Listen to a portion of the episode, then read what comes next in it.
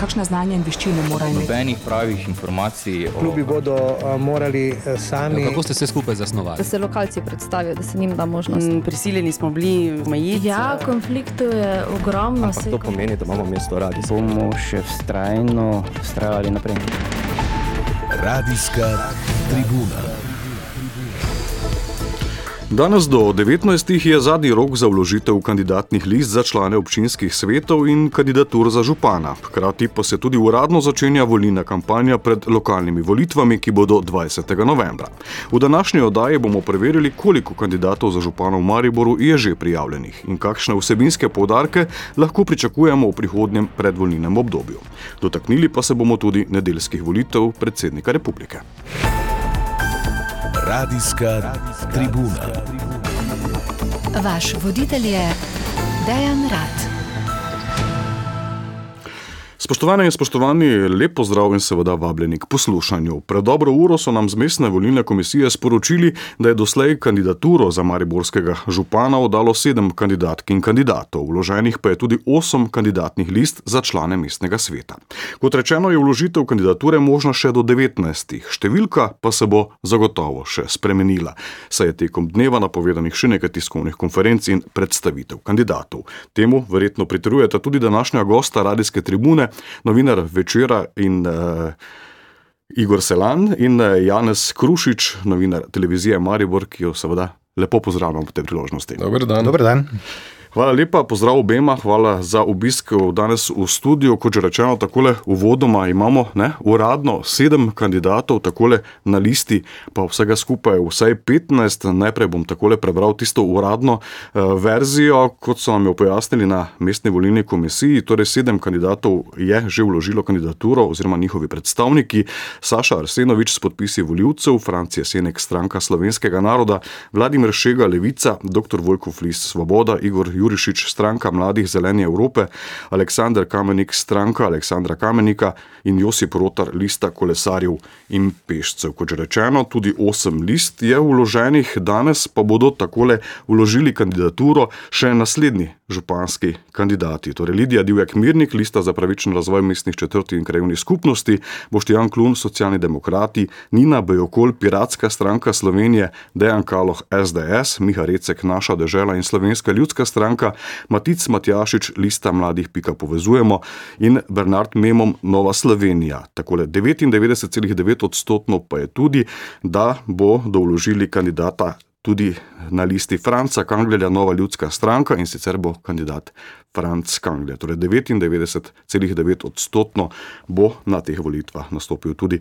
nekdani mariborski župan. E, takole, Igor, morda za začetek, da povemo vsem poslušalkam in poslušalcem, ker se poznamo že vrsto let, se bomo danes e, tikali. E, pričakovana številka, kaj ti gibljamo se že tam približno pri 15.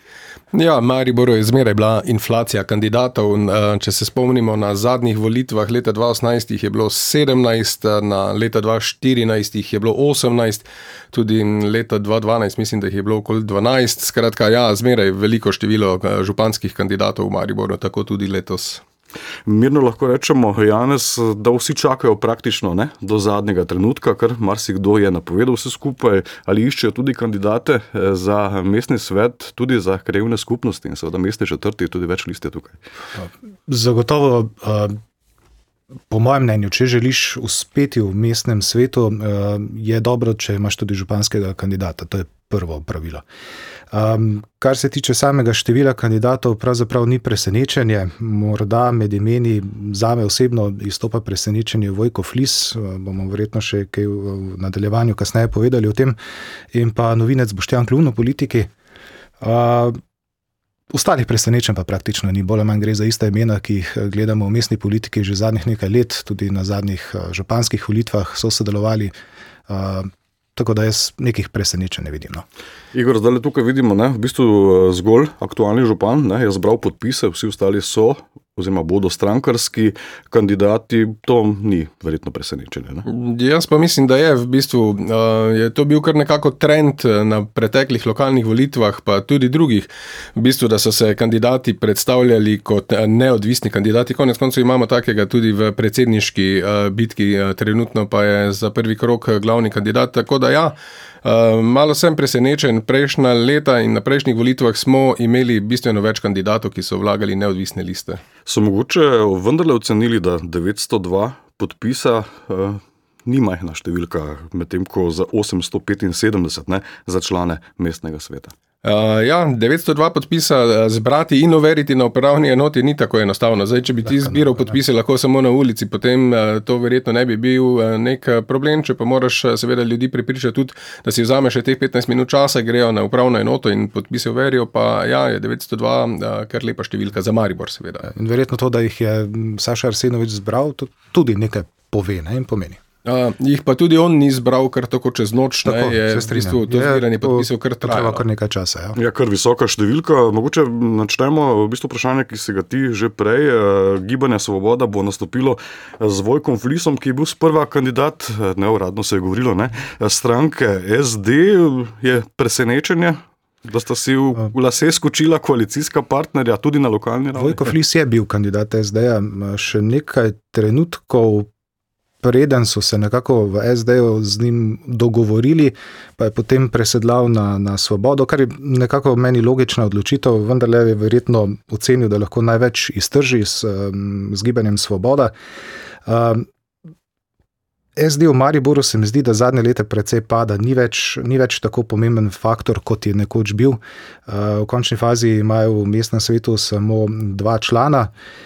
Spet lažje je, če imaš za sabo vladajočo stranko, če je ta še največja, potem še toliko lažje.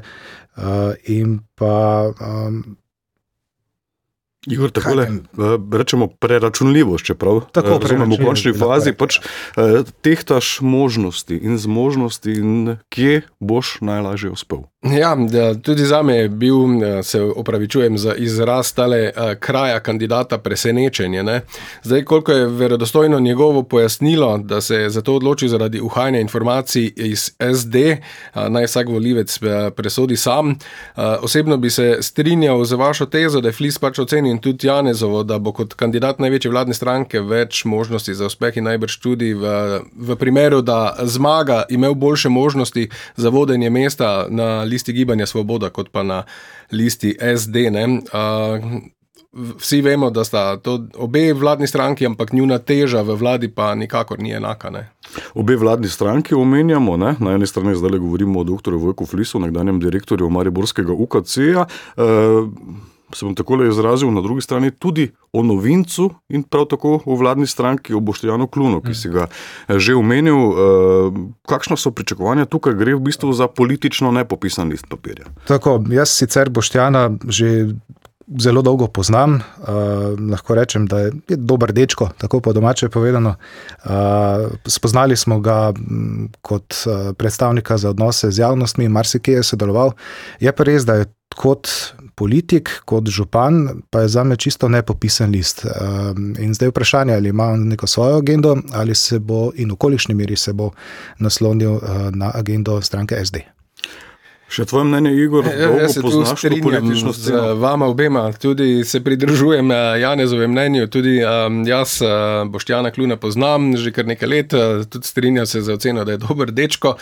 Um, Bi pa, kar se SD tiče, rekel, da so potem, ko jih je se je zgodila zadeva z Vojkom Flisom, pač našli nek izhod v sili. Uh, Klun je sodeloval, kot je že Janes rekel, v številnih uh, kampanjah. Ne, zdaj, če nekatere izpostavimo, v bistvu recimo pri županski kampanji Tomaža Orešiča leta 2010, pa pri uh, kampanji Tomaža Kanclerja leta 2014, pa Matica Matjašiča leta 2018, uh, pomagajo tudi današnjemu ministru za zdravje Danielu Bešiču Loredanu v kampanji njegove stranke Gibanje skupaj naprej za parlamentarne volitve. Je pa eno biti uh, eden od številnih ljudi iz ozadja, ne? drugo pa stopiti v prvi plan, zaenkrat uh, ga je sicer še težko oceniti. Eh, vsebinski razpravi se je na edinem javnem nastopu, ki ga je do zdaj imel kot eh, županski kandidat, izognil, čež da bodo program še le predstavili, zdaj pa pustimo se presenetiti. Ne. Verjetno pa to bila res eh, izbira za nehipone. Ja, tako. Ja. Zdaj le pomembno vprašanje, pa ne bi rad prejudiciral, kajti imeli bomo vse tam okrog 15 kandidatov, vidimo tudi kar nekaj ne, zanimivih kandidatov, znanih mariborskih obrazov, večkrat so nekateri že kandidirali, so tudi zelo aktivni v politiki politiki, ne vem, Lidija Divek Mirnik, potem eh, Dejan Kaloh, eh, Miha Recek, tudi Bernard Memon, Matic Matjašič in eh, še kdo drug, v končni fazi tudi Josip Rotar. Kakšne so kaj možnosti kandidatov, oziroma morda kaj napovedujete, kje lahko najdemo tiste osrednje kandidate?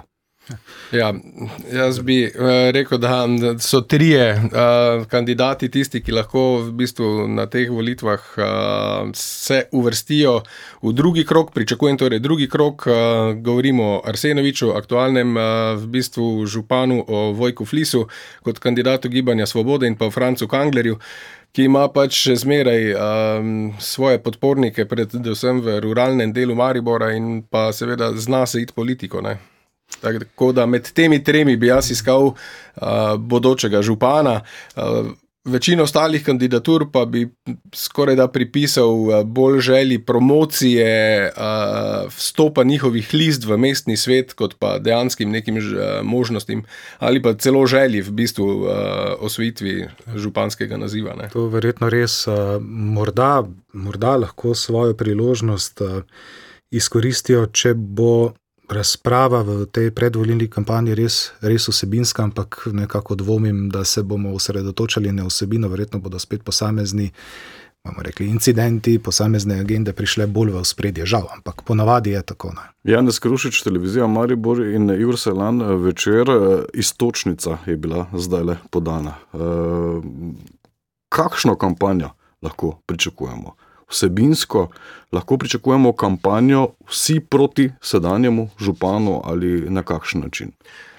Delno pričakujem, da bo boj vseeno vsebinski, predvsem v točki, ki se jo Arsenoviču lahko najbolj očita, torej urejanje zgolj centra mesta. Ne. Tukaj mislim, da bo boj vsebinski na točki, kjer bodo vsi ostali kandidati želeli izpostaviti, da pa bi oni zadeve urejali drugače, dali več pozornosti drugim mestnim četrtem in krajovnim skupnostim in podobno. Um, Bo pa veliko tudi očitkov, ki bodo leteli predvsem na skipljiv karakter Arsenoviča, komunikacijo in vse ostalo, kar smo že omenili. Pričakujem, da bo tudi OPN stvar volilne kampanje, pa nejasnosti v zvezi s porazumom s Percom, ki zdaj kljub temu, da vemo številko, še vedno odpira več vprašanj, kot daje odgovorov, pa incident z mladoletnikom. Je pa treba pač povedati, da je župan, aktualni župan, župan zmeraj v uh, prednosti. Uh, vsebinsko najbolj pozna delovanje občinskega sistema in projekte, ki so ali v teku ali pa v pripravi.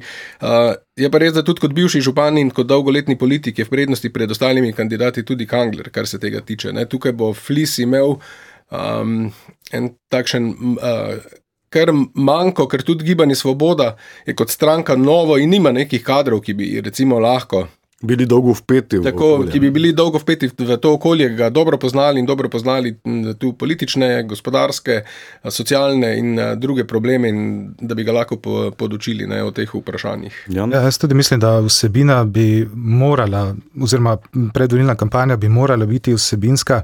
Predvsem, kam Maribor hoče, kateri so prioritetni projekti, vedno pa je potem boj proti, proti sedanji politiki. In tu se mi nekako zdi, da je to glavni problem, ker si Maribor s tem samo škodi. Ni neke rdeče niti naslednjih 10, 15, 20 let se bomo to držali, s tem se bo mesto razvijalo. In tu se mi zdi, da se s tem Maribor sam sebi najbolj škodi. No. Enkrat bom se še vrnil nazaj k kandidatom, pa morda to je takole moj dovtip, eh, občutek. Eh, če bi me takole pred šestimi meseci kdo vprašal, eh, kar se tiče Mariborskega župana za obdobje 2022-2026, bi dal veliko prednost Sašu Arsenoviču. Takole občutek sem dobil, da po tistem incidentu z mladoletnikom, da je dejansko prišlo do tega, da so vsi preostali dobili nek zagon. Da so začeli resno razmišljati o kampanji, sicer v prvi vrsti so napadali ne, eh, sedanjega župana, ampak vendarle možnosti, bom tako rekel, so se izboljšale za zmago. Jaz, če dovoliš, jaz mislim, da čisto neposredno ta incident na, na to, da bo nekdo se odločil za kandidaturo, ni vplival. Definitivno je ta incident močno načel ugled župana Saša Arsenoviča, ker tudi razplet te afere kaže, da nekaj se je zgodilo. pozivi k odstopu, izguba koalicije, se mi zdi, da ni toliko vplivalo, oziroma za njim ni bilo toliko usodno, relativno mirno je, je končal ta mandat. Uh, dobro, morda se je sedaj na koncu zapletlo malo pri občinskem prostorskem načrtu, ampak mislim, da bi se tu zapletlo v vsakem primeru, tudi brez kakšnega incidenta. Uh, ima pa nekaj projektov, ki, ki pa res bodejo oči. Ne? To sta most, to je pristan, in pa za me osebno tudi upravljanje holdinga. Se mi zdi, da dolgoročno tole ne bo dobro. Ja, predvsem, če bo uh, funkcioniranje holdinga tako netransparentno, kot je trenutno, uh, ker uh, Verjetno si nišče v mestu ni želel, da se občinska podjetja združijo samo zato, da se v bistvu zapre tok informacij in da ljudje več enostavno ne morejo vedeti, kaj se tam dogaja. Ne. Drugače pa bi se strinjal z Janezovo oceno, tudi sam mislim, da incident z mladoletnikom, po mojem, ni imel to vrstnih posledic, da bi se torej posebej zaradi tega aktivirali drugi kandidati. Ne. Je pa nekaterim, predvsem eh, dotedanjim koalicijskim partnerjem, prišel ta incident prav, da so se lahko po dobrih treh letih distancirali od Arsenovičeve politike in se lažje profilirali kot proti kandidati, ker če ne bi bilo tega dogodka, bi pač izkoristili kakšnega drugega. Težko je biti v bistvu del koalicije, potem pa na volitvah nastopiti s svojim kandidatom proti županu, ki si ga v bistvu štiri leta podpiral. To je v bistvu nesmiselno. Tako da je ta incident bolj v tej luči prišel prav prav koalicijskim partnerjem, čeprav so tudi. Uh, je pa treba reči, uh, ravnali načelno in je prav, da so v bistvu takrat odstopili, ker je župan takrat ravnal na robe. Takole, če pogledamo še malce, prej ste že omenili delo mestnega sveta, v bistvu v končni fazi, ne glede na politične konstelacije, ne, je teklo dokaj normalno, ni, ni bilo večjih ekscesov, večjih težav, ampak mestni svet in seveda sestava mestnega sveta je pomembna. Tudi v prihodnem štiriletnem obdobju. Zdaj je v tem trenutku lista Senovič za Maribor 11 svetnikov in lista Franca Kanglerja Nova Slovenska ljudska stranka 10. Lahko pričakujemo podoben uspeh, kajti ne samo, da je Arsenovič slavil na županskih volitvah, ne, dobil je izjemno dosti ne, svojih članov v mestnem svetu, podobno velja tudi za Franca Kanglera. In če pride do kakšne preobrazbe, se bom tako izrazil, da pride do bolj razpršenih glasov, bo treba sestaviti koalicijo, ki bo stala in treba se bo to, kar tudi očitajo sedanjemu županu, pogovarjati in dogovoriti. Ja, um, ne zdi se mi prav verjetno, no, da bo sta Arsenovič in Kangler ponovila uspeh iz zadnjih volitev. Morda ima tu celo več možnosti Kangler kot Arsenovič, ampak pustimo se presenetiti. Je pa tukaj vsekakor treba računati tudi, da listo gibanja Svoboda, ne, ki bi znala dobiti kar nekaj glasov v mestnem svetu kot neka preslikava državno-zborskih volitev, uh, bo pa to v veliki meri odvisno predvsem od nastopov Vojka Flisa v kampanji. Um, tako kot smo že prej ugotavljali in um, povedali, se bo moral pač Flis zelo potruditi in pokazati precej poznavanje mestne problematike. Ne? Če bo v kampanjo stopil nonšalantno in se ne bo dal podočiti o težavah občine, se mu ne piše nič dobrega. Ne? Se pa, tako kot sem že prej rekel, ne sprašujem, kdo ga bo podočil, glede na to, da gibanje Svoboda v Mariboru ni imelo nekih akterjev političnih kadrov, torej, ki bi poznavali tukajšno tematiko. Tu bo pa recimo imel Boštjan Klun kot kandidat SD nekaj več možnosti. Ne? Moče še tvoje razmišljanje, Janez Krušič? Jaz predvsem mislim, da bo odvisno, eh, kaj imajo kandidati eh, v rokavu, da se tako rečemo, ne? drug proti drugemu. Se pravi, kakšne afere se bodo priplavile eh, na površje. Zdaj, glede Saša Arsenoviča, recimo, da jih nekaj poznamo, kamor, kjer bi se lahko ta kampanja osredotočila, ne, tako kot si prej ti rekel, od incidenta do holdinga, do odškodnine Alano Percu. Uh, pri Francu Kanglerju je po moje še eno vprašanje, koliko prisluhov je še ostalo neuničenih. Uh, koliko jih še lahko in če sploh lahko še uh, pride na površje. Kar se pa tiče Vojka Flisa, pa to se boste verjetno tudi spomnili, smo tudi na televiziji Slovenija, takrat, ko je še bil direktor Univerzitetnega kliničnega centra Maribor, poročali o težavah, ki jih je imel, težavah s, svojimi, z njegovimi podrejenimi, z obtožbami o mobingu, zaradi česar je takrat tudi moral oditi. To je bil eden izmed razlogov, bili so še drugi. Tako da, po moje, bo najprej potrebno, potrebno pogledati, kaj imajo eden proti drugega in s kakšnimi kartami mislijo igrati. Ja. Torej, že zdaj le oba dva v bistvu nakazujeta, da bo ta kampanja vsaj deloma, ne, eh, vsaj pri prvih vprašanjih ali pa v prvem krogu, zagotovo ne bom rekel samo vsebinska. Ja, tako se kaže. Eh, žal imajo vsi trije glavni kandidati, ker eh, nekaj tudi masla na glavi in pa stvari iz preteklosti, ki bodo vsekakor priplavale na površje, ker se to pač naravno zgodi pred vsakimi volitvami. Do 20. novembra bomo slišali veliko, veliko obljub. Ampak poudarek in pomembna stvar je, prihodnja štiri leta, kot kaže, ne bodo obdobje debelih krav. Ne? Povprečnina bo še zmeraj preniska, podfinanciranost občine očitna. V bistvu, kaj z tega vidika čaka novega ali pa starega župana oziroma županjo?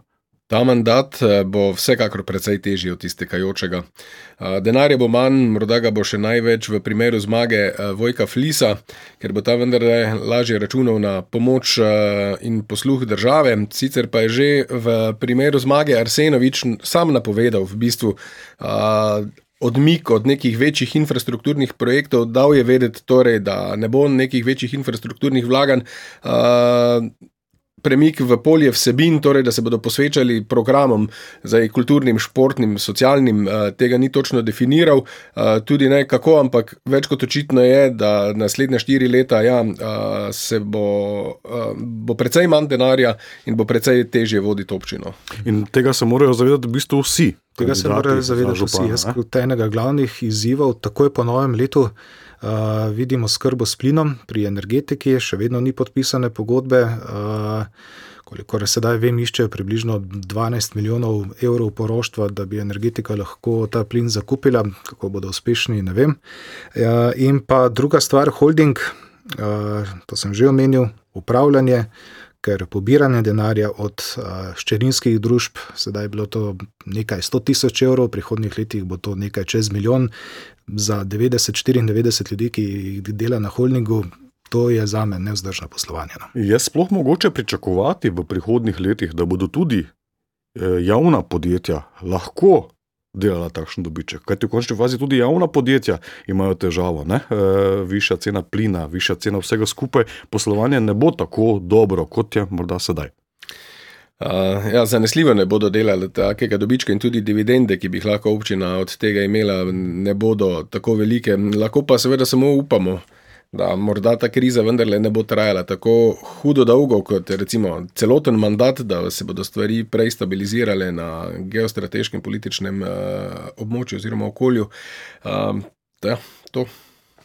Osebini, seveda, samih kandidatk in kandidatov bomo govorili več ali manj v prihodnjih dneh, ko bomo dobili tudi programe in eh, ko bodo predstavili vse skupaj za zdaj. Eh, so le redki bili tisti, ki so izpostavili nekaj točk, eh, torej kampanja pred lokalnimi volitvami se šele začenja, imamo pa kampanjo, ki se počasi končuje. Volitve predsednika republike bodo to nedeljo, sedem kandidatov je tik pred velikim finalom.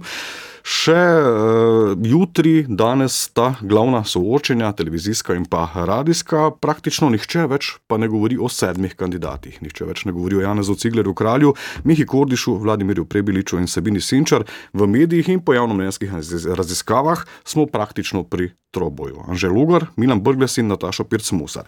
Preden bom prosil tudi za vajen komentar, prisluhnimo filozofu in seveda rednemu spremljevalcu predsedniške kampanje, dr. Borisu Vezeku postajajo volitve vedno bolj odprte, vedno bolj recimo negotove. Nihče ne ve, kdo bo zmagovalec, ampak po drugi strani bomo odločili med tremi kandidati. Ne? Torej, med Logarjem, med Spirc Muserevo in Brglezom, mislim, da je to precej jasno, da so drugi malo da ne odpisani. Po drugi strani pa nas preseneča ta neverjetna rast na strani Anžeta Logarja. Mislim, da nihče ni pričakoval, vključno z mano, da se bo to zgodilo. Pred tedni se je zdelo, da je Nataša Pircmusar osrednji favorit, zdaj to postaje precej negotovo. Ne? Tako da Jaz mislim, na nek način je gotovost večja, negotovost in odprtost pa tudi, zato ker imamo pravzaprav tri dokaj izenačene kandidate. Torej, če vas prav razumem, je v drugem krogu, ki najverjetneje bo že Anže Logar, po vašem mnenju, boj za drugo mesto, torej za drugi krog, pa potem med Milanom Brglezom in Natašo Pirc-Musar? Prav ničesar od tega ne bi napovedal. Zdi se mi absolutno nekaj drugega res, da obstaja to načelo volilne discipline v Sloveniji, da desničari zelo radi hodijo na volitve, da so disciplinirani torej, levičari pa ne hodijo. To kaže seveda na še neko dodatno premoč a, a, logarja. Po drugi strani vemo, da v drugem krogu najbrž zaradi narave volilnega telesa v Sloveniji lahko pričakujemo a, več podpore levima ali pa levo-sredinskima kandidatoma, torej Nataši Pirc-Musar in Brglezu. Tako da se mi zdi, da v prvem krogu bi lahko rekli, da bo Logar nekako še kar naredil dober rezultat, že zdaj presenetljivo močno vodi pred Natašo Pirc-Musar, v drugem krogu pa definitivno potem lahko računamo, da se bo levo volilno telo aktiviralo in podprlo levega kandidata. Še vprašanje, kako ocenjujete samo kampanjo na nivoju, nizki udarci, da ali ne? Mislim, da je bila relativno umirjena, solidna, tako da tukaj ne vidim nobenih presežkov, nobeno smer, nobenih posebnih ekscesov. Kot rečeno, zdi se mi, da se predvsej osredotočila na posamične afere, posamičnih kandidatov, kar je tudi prav. Uh, Zanimivo, da so očitki kandidatom bili uh, narejeni praktično vse smeri, vsem razen logarju. Mislim, da je to eden od razlogov, zakaj logarju zdaj podpora tudi raste. Uh, skratka, da, da mu je težko očitati karkoli, razen to, da dejansko ni neutralen kandidat, da je seveda zlizan stranko SDS. Uh, ampak, kot se kaže, uh, bi rekel domače volilno telo nima nič proti stranki SDS. Zdi se, da si želi nekega normalnega Janša uh, in da, da je problem v stranki SDS samo v tem, da, da je moti Janša. Tako da logar je nek način blaga, prijetna, prijazna oblika Janeza Janše, uh, ki so voljivci, bi rekel, pripravljeni podpreti po eni strani. Um, po drugi strani pa očitno negovijo posebnih zamer glede njegove, bi rekel, strankarske opredeljenosti. E, slišali smo, ne, seveda, doktorja Vezeka, morda čisto na kratko, Igor Selan, e, večer in pa Janez Krušič, televizija Maribor, televizija Slovenija. E, kratek komentar, mi sicer tudi v Mariboru že vnaprej napovedujemo troboj, na državni ravni ga že imajo, morda kakšno je vajno mnenje, Janez? Uh, mene v prvi vrsti tu moti uh, te ankete. Se pravi, eh, jaz sem za to, da se te ankete definitivno ukinejo, ker preveč usmerjajo razmišljanje ljudi, kot da res imamo samo tri kandidate, pa je mogoče, oziroma ne mogoče, je nabor zagotovo širši. Uh, pri teh kandidatih pa letos predvsem uh, pogrešam avtoriteto. Ni to, pa rečite, kar hočete o teh predsednikih, nista to Milan Kučan, nista to Janez Denošek, ki sta nekaj, bila sta nekaj več, kakorkoli danes gledamo na njih. Uh, Uh, in pa tako, kot je sam uh, gospod Vezjak povedal, ne, desnica je tu dokaj enotna, levica pa se preriva in kaj lahko sledi, pa če je zelo jasno povedal tudi predsednik vlade Robert Golop. Morda še Igor? Jaz odkrito priznam, da predsedniških volitev nisem spremljal zelo uh, aktivno. Um, Predsednik eh, Slovenije nima prav veliko pristojnosti kot osebnosti, pa smo večino teh kandidatov poznali že odprej. Poleg tega se mi zdi, da je že bilo od vsega začetka jasno, da bo drugi krok, v katerega se bo poleg kandidata SDS, torej Logarja, vrstil še ali kandidat eh, dveh vladnih strank, torej Brgles ali Pirc Musarjeva. In zdi se mi, da bo vsaj za levi del volilnega telesa na koncu spet šlo bolj za glasovanje proti, kot pa za glasovanje za. Tako le čisto zadnje vprašanje v stilu lokalne kampanje, na voljo imata 10 eh, sekund. Imamo zdaj le jeseni preveč demokracije, kako bo z volilno udeležbo, kajti tukaj so predsedniške lokalne volitve in trije referendume. Ja, jaz upam, da se bodo ljudje aktivirali in izkoristili svojo pravico, ker je tako tudi edino prav, torej vsi na volitve, ene, druge, tretje referendume. od začetka do konca. Premalo demokracije, oziroma preveč demokracije, jaz celo mislim, da, je, da jo imamo premalo in pa da se ta demokracija, beseda demokracija danes izrablja za vse ekscese, za vse neumnosti, tako na globalni kot na lokalni ravni, od občine do univerze. Novinarska kolega Igor Selam večer in Janez Krušič, televizija Maribor, televizija Slovenija. Hvala za obisk v studiu in seveda komentiranje doslej znanih in potrjenih kandidatov in tudi vseh, ki bodo kandidirali. Hvala lepa. Hvala. Obeta se nam torej zanimiva volilna kampanja, danes pa novinarsko dolg dan. Hvala, vse dobro obema, upam pa, da je ostalo še kaj časa in volje, da se poveselimo ob dnevu Mariborske občine zvečer. Hvala za pozornost in nasvidenje v imenu avtorja oddaje Dejana Rata in tonskega tehnika Gorana Glaviča.